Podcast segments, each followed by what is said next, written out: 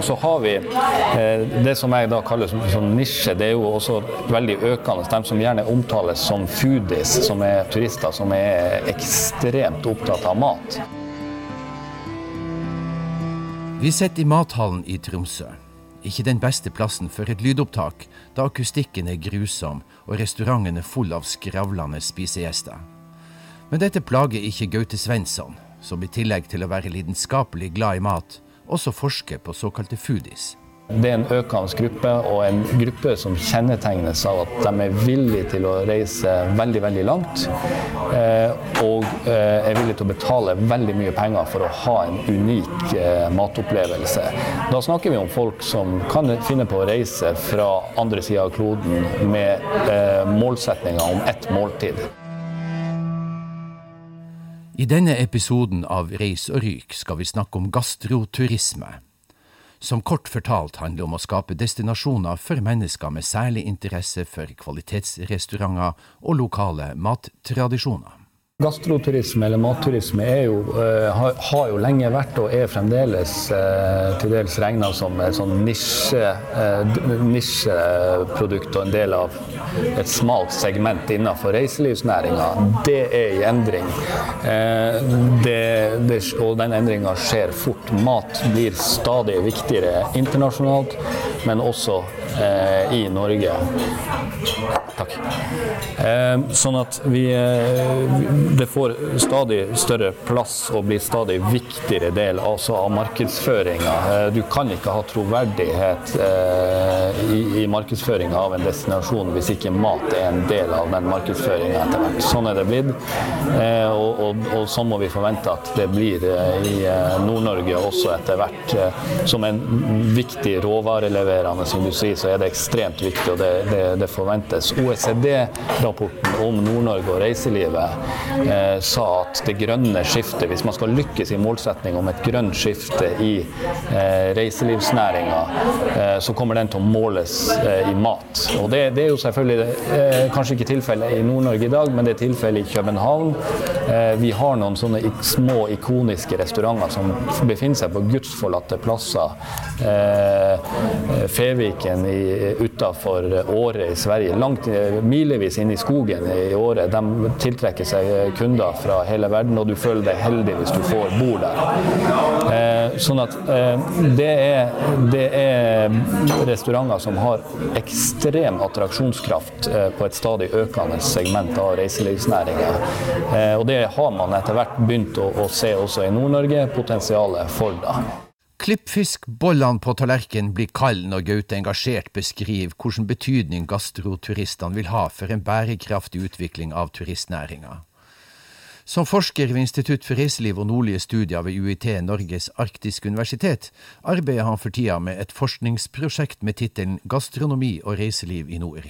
Hovedfunnene i det prosjektet, når vi ser på destinasjonsutviklinga, hvordan matdestinasjoner eh, blir til, eh, og, og eh, hvordan, eh, hvordan, de eh, skapes, så er det for det første så er det som jeg har vært inne på, litt sånn komplekst bilde. Det er mange faktorer som spiller inn.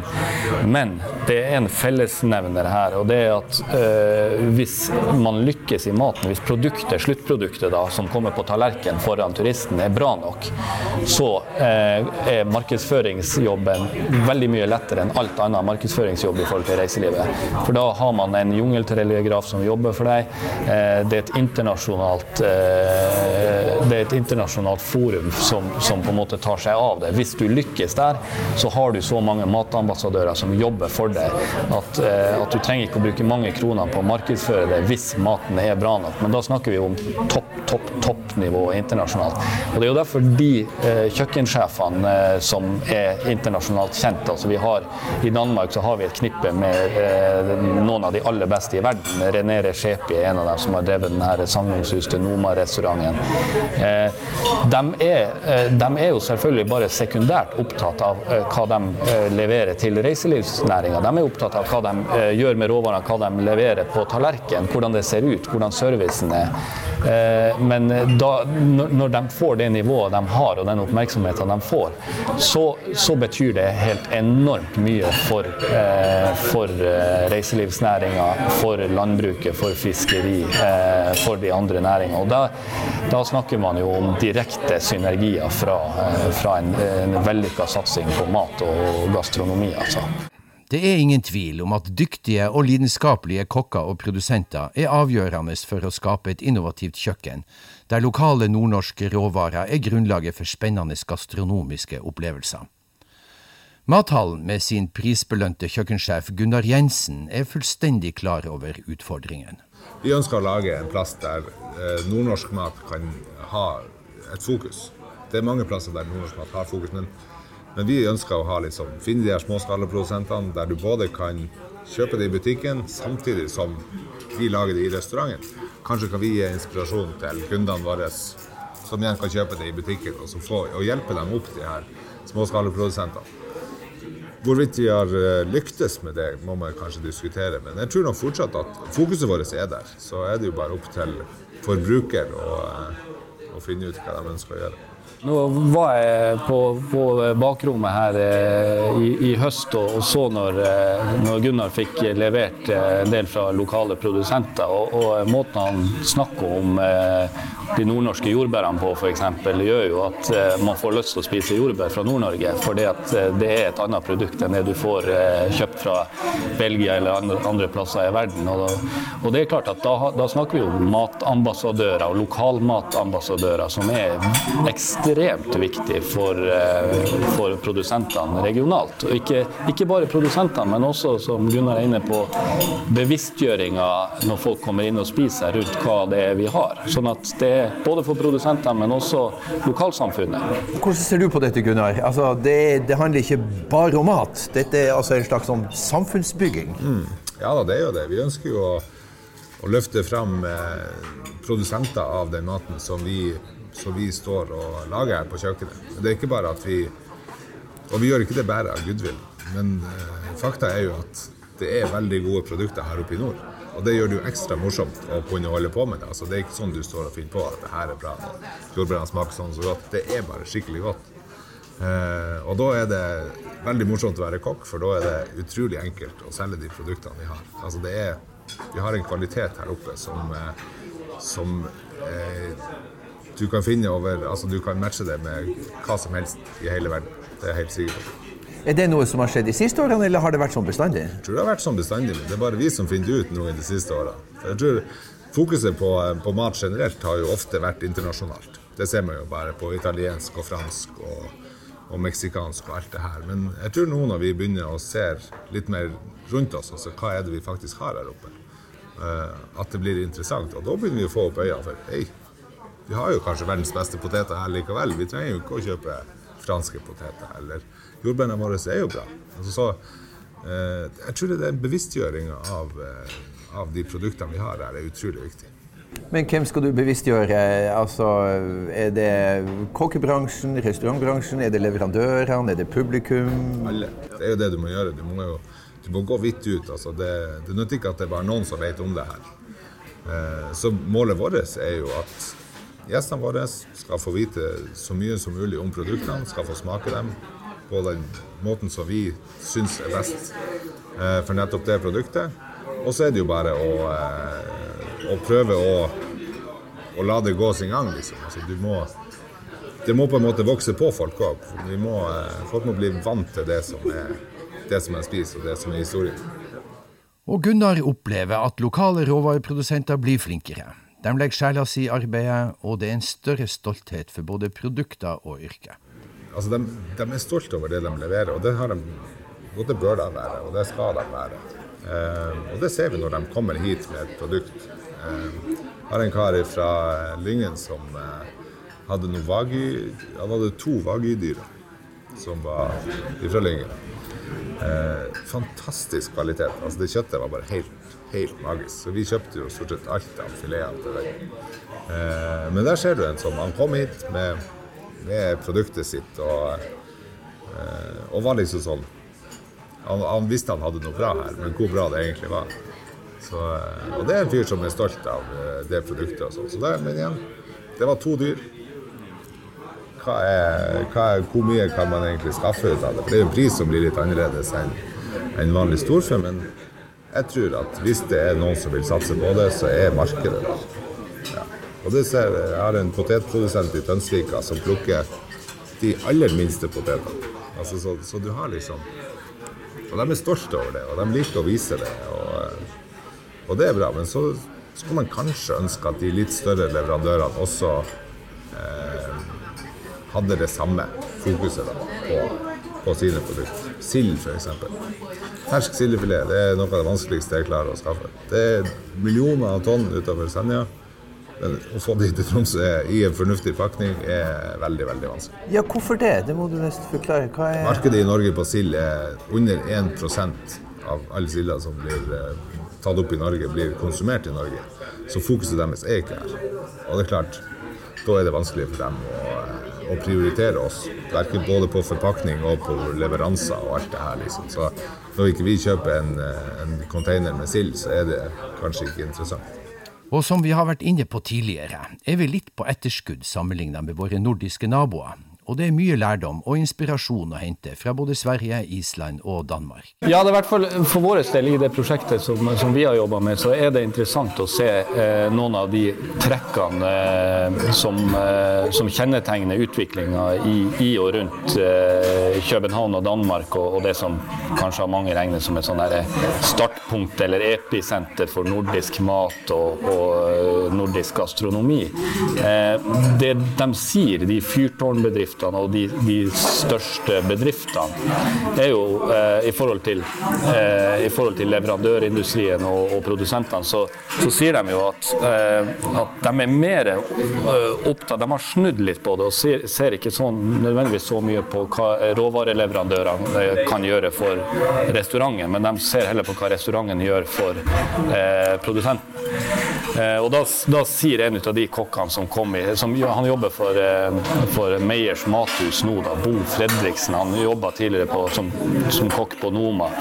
Eh, han sier jo at det, det, har blitt kult å være bonde de siste årene. Eh, så de, de, har jo utvilsomt vært, vært premissleverandør for eh, å skape yrkesstolthet. Og er, da begynner vi å snakke om noen ekstremt viktige synergier inn mot andre næringer, som dessverre jeg tror ikke myndighetene i Norge er tilstrekkelig oppmerksom på. At man, man snakker om en bransje bransje som, som eh, er ekstremt godt egnet til å gjøre andre gode. Eh, også reiselivsnæringa, da. Eh, men det, det, tar dessverre litt tid å oppdage det, da.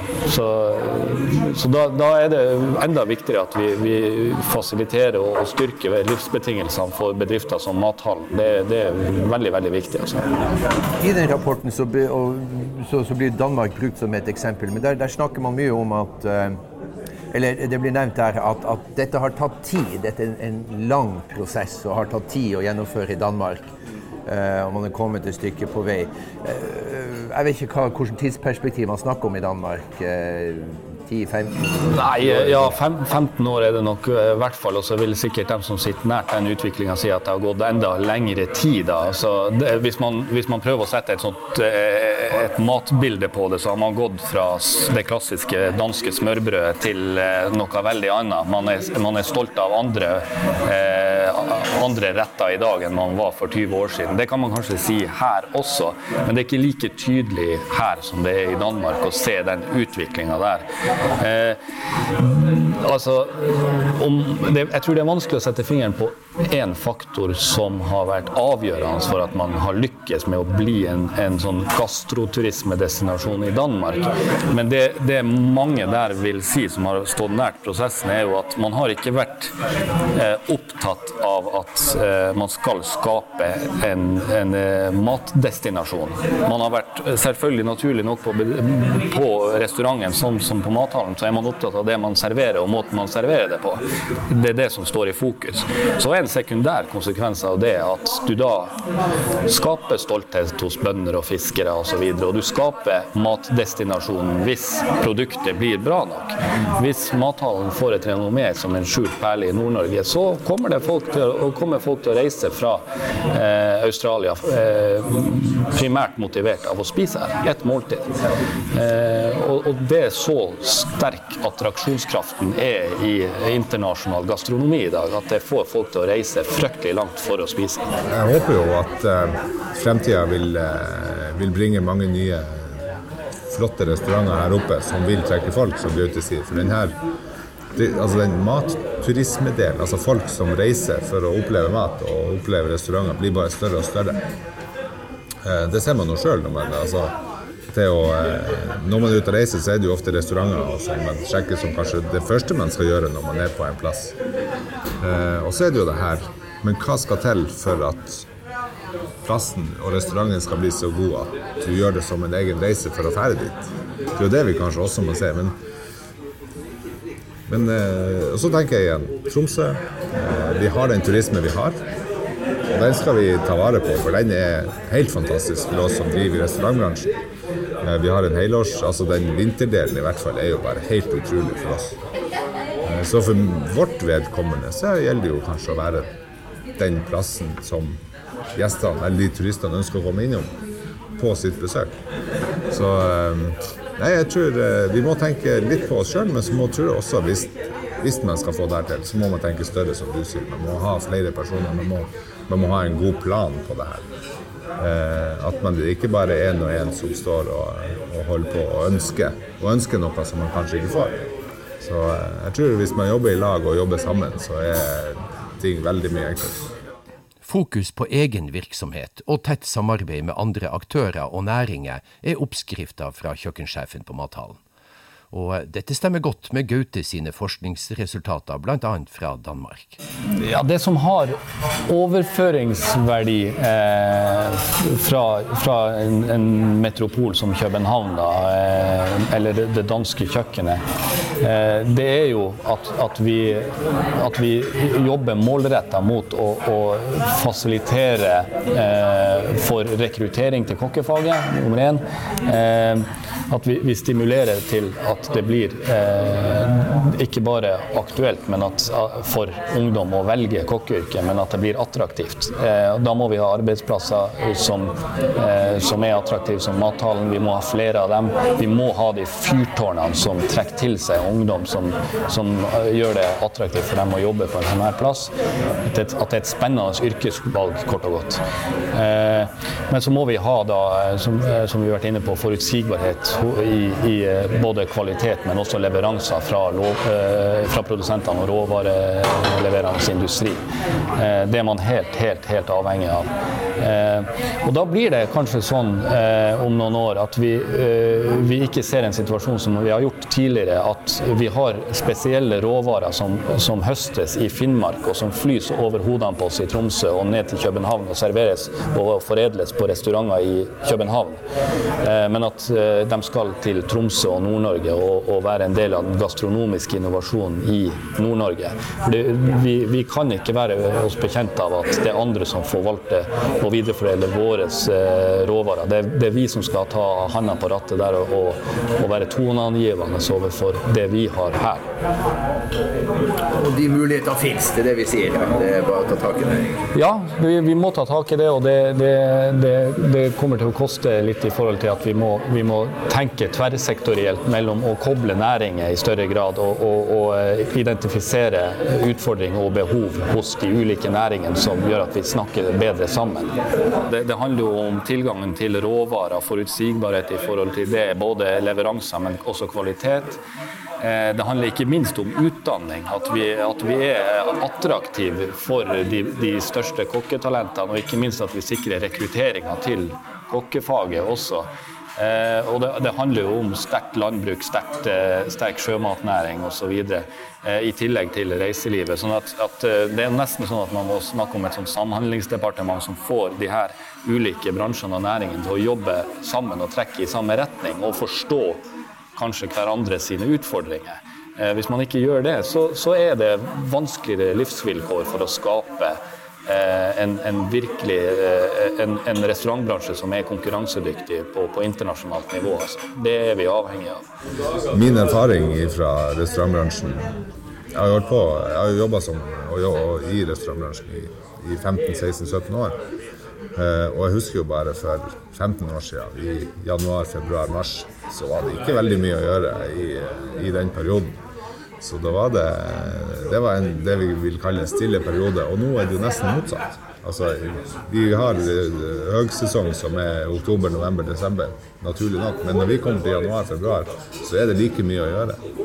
Eh, og det er ganske Det er ganske spesielt, faktisk. For i resten av landet så er det ikke sånn. Hvis du ser på andre store byer, og gjenstore byer som Tromsø, så er det langt på, altså det er på langt nær sånn type restaurantdrift som det her. Så det, det, vil jo si at potensialet er der? Her er mulighetene? Liksom. Ja, ja, det er et kjempepotensial.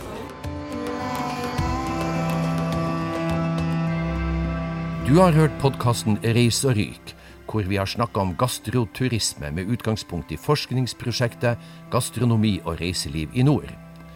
Prosjektet er en del av VRI, som er Forskningsrådets særlige satsing på innovasjon gjennom samhandling og prosjektet er finansiert av Troms fylkeskommune. Prosjektet er utvikla i samarbeid med Reiseliv i Nord og UiT Norges arktiske universitet, og gjennomført av Gaute Svensson, Jørn Erik Johnsen og Arne Trengereid. Vi ønsker også å takke kompetansemegler Mette Ravn Midtgaard.